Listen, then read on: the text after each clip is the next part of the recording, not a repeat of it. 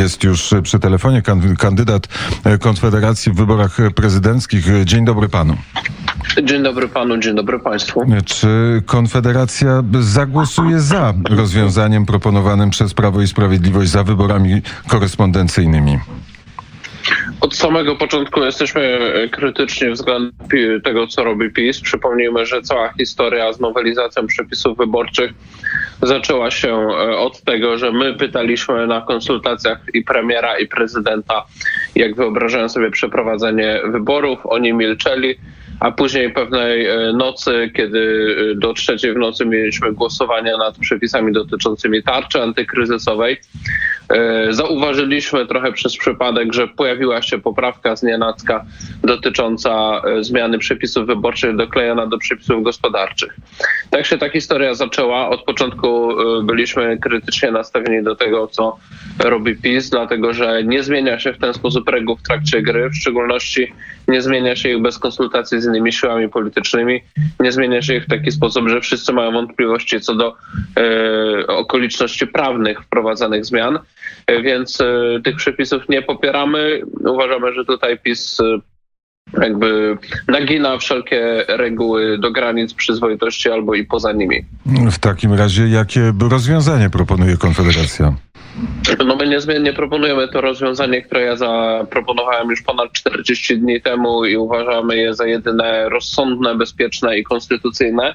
To znaczy odsunięcie wyborów na czas po epidemii, przeprowadzenie ich w formule y, osobistej z możliwością głosowania korespondencyjnego dla tych, y, którzy mm, czują, że są w grupie ryzyka y, i, i, i odsunięcie ich o trzy miesiące na bazie przepisów o stanach nadzwyczajnych o trzy lub więcej miesięcy.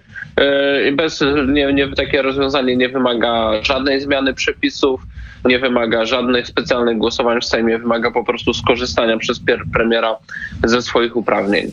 Czyli wprowadzenie stanu wyjątkowego. Stanu nadzwyczajnego uważamy, że adekwatny jest to stan klęski żywiołowej, dokładnie rzecz biorąc. Mimo tego, że wczoraj, y, że premier ogłosił e, tą drugą fazę uwalniania nas z izolacji społecznej, że e, od 4 maja hotele, miejsca, e, hotele, przedszkola, miejsca rehabilitacji będą i inne galerie handlowe będą otwarte. No im bardziej premier to odwleka, tym bardziej rzeczywiście e, wygląda to niespójnie. To fakt. E, ten stan nadzwyczajny powinien być e, ogłoszony od momentu wejścia tych wszystkich ogólnopolskich ograniczeń. To zupełnie oczywiste. Część konstytucjonalistów zwraca uwagę nawet na to, że ograniczając w całym kraju życie gospodarcze i społeczne, a nie wprowadzając stanu nadzwyczajnego, premier i członkowie rządu dopuścili się deliktu konstytucyjnego, albowiem mało się o tym mówi, że ten instrument stanu nadzwyczajnego służy ochronie praw obywateli. To znaczy stan nadzwyczajny wprowa umożliwia wprowadzenie ograniczeń dla obywateli, ale wprowadza też pewne ograniczenia dla władzy. Tam jest wymienione, że kilku rzeczy w trakcie stanu nadzwyczajnego nie można robić. I to nie przypadek, bo to ma służyć ochronie praw politycznych obywateli, a rząd ograniczając w największym stopniu w III Rzeczpospolitej e, od czasu stanu wojennego wszelkie nasze prawa i nie wprowadzając jednocześnie stanu nadzwyczajnego, po prostu przyznał sobie nadzwyczajne możliwości, jednocześnie nie dokonując samoograniczenia w zakresie swoich możliwości politycznych. No i zdaniem części konstytucjonalistów jest to dość poważne nadużycie. Ale... Także ma pan redaktor rację, że to zwlekanie, to zwlekanie wygląda źle. Nie, Natomiast to... z drugiej strony trzeba powiedzieć, że wprowadzenie stanu nadzwyczajnego jest to po prostu czynność prawna. Ona nie musi zmienić niczego w życiu zwykłych obywateli. Jest to po prostu rozwiązanie prawne, konstytucyjne, z którego można skorzystać teoretycznie, może nawet na stan jednego dnia. Na, jeżeli na przykład majówka jeszcze jest o, o, o, czasem ograniczeń, to można wprowadzić stan nadzwyczajny klęski żywiołowej do końca majówki, po czym e, go e, z dniem 3 e, maja zakończyć. I, nas, I, wówczas od 4 maja biegnie ten okres trzech miesięcy, Ale kiedy panie, nie można zrobić panie, wyborów. E, panie pośle, to jest instrumentalne traktowanie stanu e, nadzwyczajnego, bo się wprowadza go nie dlatego, że jest stan nadzwyczajny, ale dlatego, że są wybory prezydenckie i tylko po to, więc to jest e, traktowanie pewnego rozwiązania prawnego tak naprawdę jako pałki, a nie jako rozwiązania, które rzeczywiście odpowiada rzeczywistości. A, a z kolei jest ustawa z 2008 roku o stanie stanie mhm. epidemii i według tej ustawy rząd mógł postępować tak, jak postępuje. To, że są w Polsce różni konstytucjonaliści, którzy mówią jeden A, drugi B, no to nie zmienia faktu, że ta ustawa z 2008 roku jest. Panie redaktorze, y, ustawa z 2008 roku y, nie dawała rządowi w żadnym razie tych, y, tych kompetencji, które rząd zrobił. Przypomnijmy, że rząd wprowadził specustawę, zresztą Konfederacja głosowała jako przeciw i dzięki tej specustawie bardzo wiele rzeczy mógł zrobić i zresztą ostatnio na każdym posiedzeniu Sejmu nowelizujemy po kilkadziesiąt ustaw. Więc mówienie, że rząd skorzystał ze zwykłych uprawnień, które już miał i że one były wystarczające jest po prostu nieprawdą. Rząd praktycznie na każdym posiedzeniu Sejmu w szalonym tempie y, nowelizuje dziesiątki ustaw. Jest to prawo pisane na kolanie i w tym sensie mamy absolutnie sytuację nadzwyczajną. Zresztą niektóre rzeczy, które rząd robi, zasługują na pochwałę i dzięki epidemii tak naprawdę pewne blokady w naszym życiu państwowym zostały zdjęte. Na przykład teraz się okazało, że to, co my postulowaliśmy w zeszłym roku, czyli doręczenia elektroniczne w sądach będą zrobione, albo na przykład ZUS przestanie wysyłać za 25 milionów korespondencji do obywateli i będzie informował e-mailowo. Także są też przy okazji załatwiane rzeczy, postulaty sensowne, czy jak y, do, dobrowolny ZUS dla części przedsiębiorców. Oby te rozwiązania dobre z nami zostały. Natomiast co do instrumentalnego traktowania y, stanu nadzwyczajnego, moja odpowiedź, bo to jest poważny zarzut, który się często powtarza. Więc moja odpowiedź jest następująca. Stan nadzwyczajny to instrument. Y, korzystanie z pewnego instrumentu zgodnie z jego przeznaczeniem to żaden zarzut.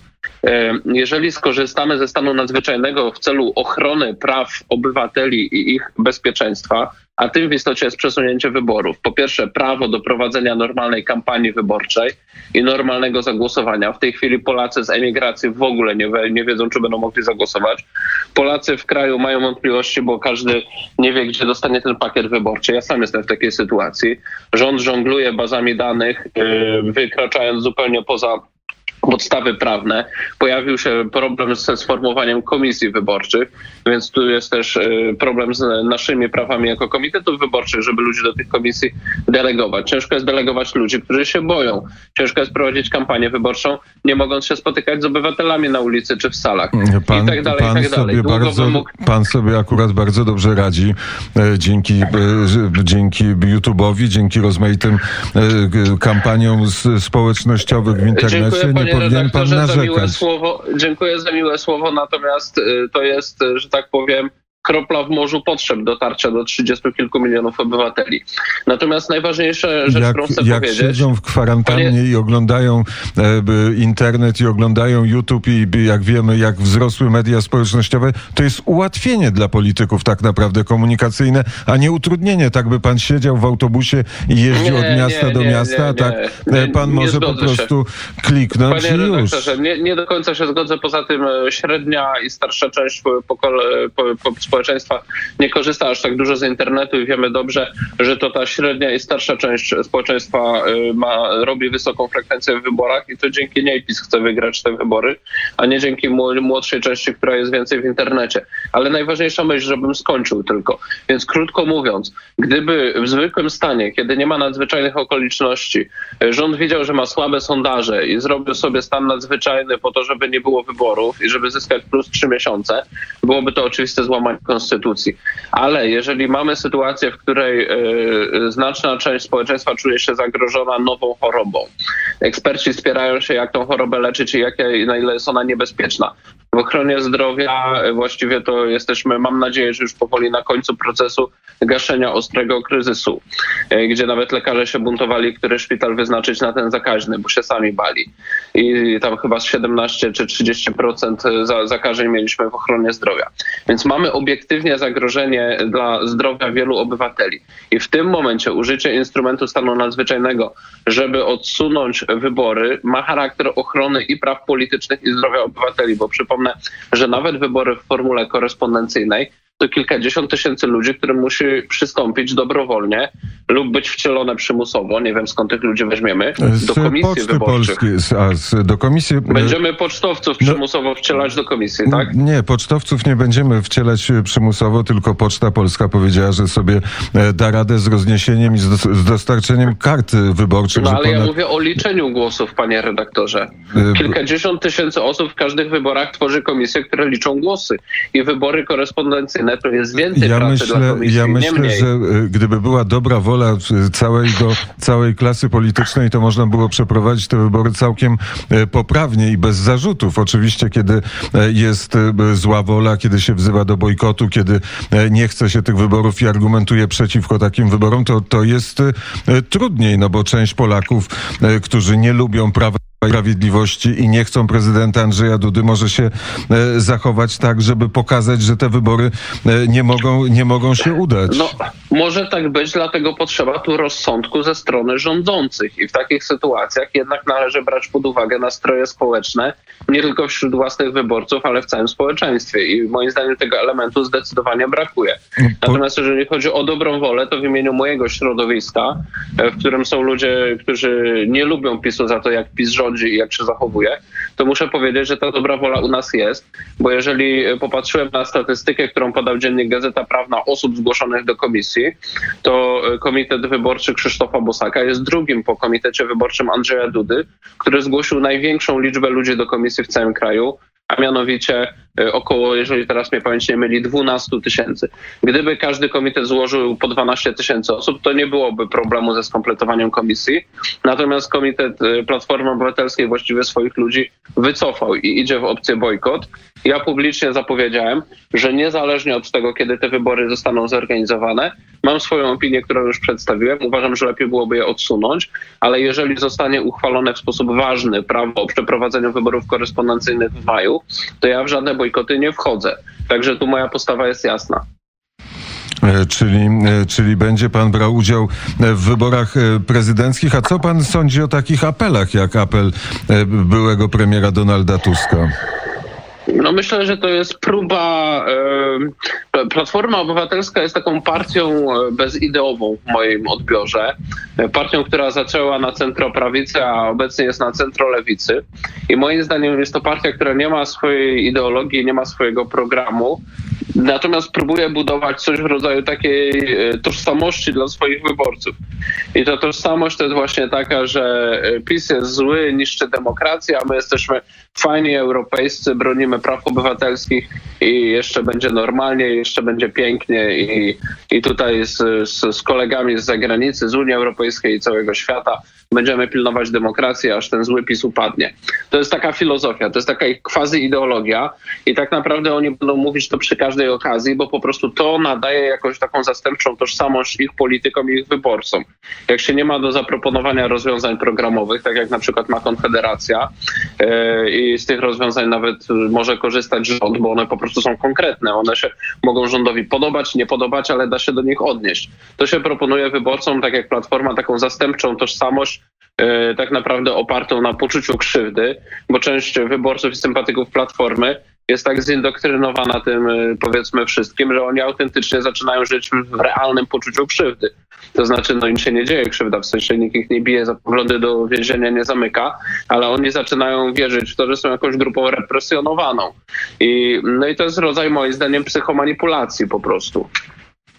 To, to jeszcze wróćmy do terminu, do terminu e, wyborów. Jakie, by- jakby pan miał obstawiać, czy e, będą te korespondencyjne wybory, czy też nie? Czy e, PiSowi uda się zachować większość w parlamencie, czy nie? To jakby pan obstawiał?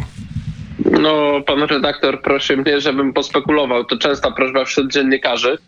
E, No, gdybym miał się tak zabawić, to, to, to strzelałbym, że uda się PiSowi e, rozbić partię Gowina, że uda się przewerbować wystarczająco wielu posłów, że kilku posłów na przykład z PSL-u albo z Platformy nie weźmie udziału w głosowaniu.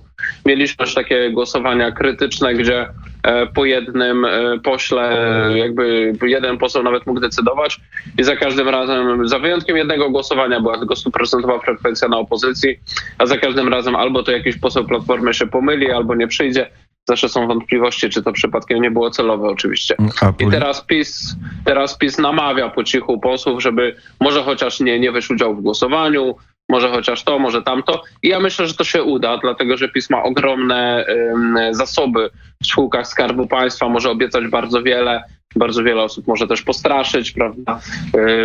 Więc, więc myślę, że to się uda zrobić tę większość rządzącą i ostatecznie wybory będą w ostatnim możliwym konstytucyjnym terminie, czyli 23 maja w formule w pełni korespondencyjnej. Będzie duży chaos, będzie dużo zastrzeżeń do organizacji tych wyborów, będzie niska frekwencja, a kto wygra, to jest wielką zagadką. PiS oczywiście jest bardzo pewny, że robiąc te wszystkie nadużycia e, wprowadzi Andrzeja Dudę na kolejne pięć lat, natomiast moim zdaniem E, moim zdaniem może się to skończyć inaczej. Jaka będzie konsekwencja tak polityczna wyborów 23 maja? To wszystko zależy od wyniku. Moim zdaniem opowieści o protestach wyborczych i o tym, że te wybory będziemy tam unieważniać, że ktoś pójdzie za to do więzienia, to wszystko są wyłącznie opowieści sfrustrowanych polityków. Prawda jest taka, że politycy w Polsce nie odpowiadają za swoje czyny, nie ma żadnych realnych mechanizmów. Jeżeli ktoś nie popełni oczywistego i udowodnionego, nie wiem, nagranego na kamerze przestępstwa korupcyjnego, co politycy nie są tacy głupi, żeby, żeby po prostu dać się za rękę łapać, no to, to po prostu Trybunał Stanu de facto nie działa. Sądy w tej chwili w dużej mierze są kontrolowane już, czy prokuratura przede wszystkim, przez ludzi związanych z PiSem. Więc moim zdaniem, nawet jeżeli w tej chwili dochodzi do złamania prawa, na przykład z obrotem tymi bazami danych obywateli, które bez podstawy prawnej zostały przekazane do Poczty Polskiej, czy z drukowaniem kart przez ministra Sasina, to ja obawiam się, że nikt za te nadużycia nie poniesie ostatecznie konsekwencji. Mówił pan o przekonywaniu e, posłów rozmaitych przez Prawo i Sprawiedliwość do głosowania albo do wycofania się e, z głosowania e, na temat wyborów korespondencyjnych, a czy taka rozmowa z politykami Konfederacji też jest prowadzona? Mhm. No, my w takie rozmowy staramy się nie wchodzić, natomiast faktem jest, że od około tygodnia intensywnie wydzwaniają do nas wszystkich różni starzy znajomi związani a to z ośrodkiem premiera Morawieckiego, a to z partiami y, ministra Ziobry czy byłego wicepremiera Gowina. Y, przy czym ta partia wicepremiera Gowina to w tej chwili jest podzielona na kilka grup czyli na tych, którzy są u Gowina, ale są w PiSie tak naprawdę, na tych, którzy są u Gowina i są u Gowina i na tych, którzy nie wiadomo gdzie są. Y, I oczywiście są różni tacy okołorządowi załatwiacze, emisariusze, no i ci wszyscy ludzie w tej chwili do nas wydzwaniają. Każdy chciałby przynieść głosy Konfederacji na tacy Jarosławowi Kaczyńskiemu. Natomiast ja to powtarzam od dwóch dni też w mediach, żeby uciąć te spekulacje, że Konfederacja nie jest na sprzedaż i nikt z nas nie ma zamiaru iść drogą Adama Andruszkiewicza, to znaczy za jakieś y, osobiste korzyści czy korzyści dla osób związanych z własnym środowiskiem, zrezygnować z budowania formacji ideowej prawicy, zjednoczonej ideowej prawicy, jaką jest Konfederacja. Bardzo serdecznie dziękuję za rozmowę. Dziękuję bardzo, pozdrawiam słuchaczy. A jeszcze jedno pytanie, na jaki wynik tak. pan liczy? No chciałbym osiągnąć drugi wynik. To jest marzenie każdego, e, kto staje do rywalizacji, e, żeby wejść do drugiej tury i osiągnąć drugi wynik. W, w przypadku e, prezydenta, który ma tak dobre sondaże, może, że, że może walczyć o zwycięstwo w pierwszej turze. Oczywiście moje marzenie, jak i innych kandydatów jest, żeby jednak była druga tura, żeby do niej wejść i móc w niej rywalizować. To najbardziej prestiżowe wyzwanie dla każdego polityka. No, natomiast e, e, wiem, że w tej chwili mam kilka punktów procentowych do nadrobienia względem na pewno Władysława Kosiniaka-Kamysza i Szymona Hołowni. Osób, które są także, warto to zauważyć, bardziej promowane przez media kontrolowane przez rząd, takie jak TVP Info. Mnie tam od ponad miesiąca w ogóle nie zapraszają. Ich od czasu do czasu pokażą. Więc moim zdaniem w tej chwili jest tak, że właśnie PiS najbardziej obawia się mnie jako kandydata, że mógłbym za bardzo urosnąć, ale to, z czego się już w tej chwili cieszę, to że w niektórych sondażach prześcignąłem kandydatkę Platformy, w którą Platforma zainwestowała miliony, a więc wiele razy więcej niż będzie kosztować cała nasza kampania wyborcza, bo jest tylko zadatki obywateli prowadzona. I, no i też w różnych sondażach wygląda na to, że prześcignąłem kandydata Lewicy, Roberta Biedronia, co też jest dla mnie osobiście dużą satysfakcją, bo z Robertem Biedroniem e, po dwóch stronach ideowej barykady to od kilkunastu lat się spotykamy przy różnych okazjach. Mm, a ty, czy, czy, czy Szymon Hołownia i jego popularność na czym bazuje?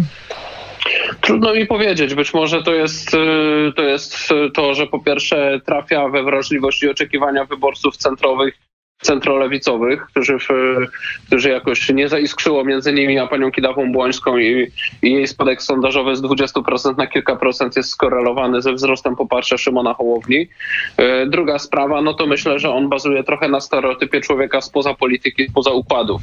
Podkreślanie przez niego, że nie mam swojej partii, mm, gdzieś już to słyszeliśmy, prawda? Ale to żaden atut, że ktoś nie ma swojej partii. Prawda jest taka, że jak ktoś nie ma swojej partii, nie ma swojego zaplecza, to po prostu to znaczy, że bardzo krótko jest w polityce i nie za wiele w niej znaczy. Yy, no tylko, że trudno jest dokładnie to wytłumaczyć wyborcom, ponieważ przeciętny wyborca często ma bardzo złe zdanie o polityce, politykach i partiach, często niestety słusznie. No i wydaje się, że to może być jakiś atut, tak? Yy, no natomiast cóż, yy, wybory prezydenckie skończą się jak nie teraz, to za kilka miesięcy. Polityka będzie trwać i zobaczymy, co Szymon Hołownia będzie potrafił zrobić z tą swoją popularnością. Po przykładzie Pawła Kukiza widzimy, że na byciu nie politykiem można się w polityce wybić, ale już dużo trudniej cokolwiek sensownego osiągnąć. Bardzo serdecznie dziękuję za rozmowę. Krzysztof Bosach, kandydat Konfederacji w wyborach prezydenckich, był gościem poranka wnet. Na zegarze... Jeszcze raz dziękuję.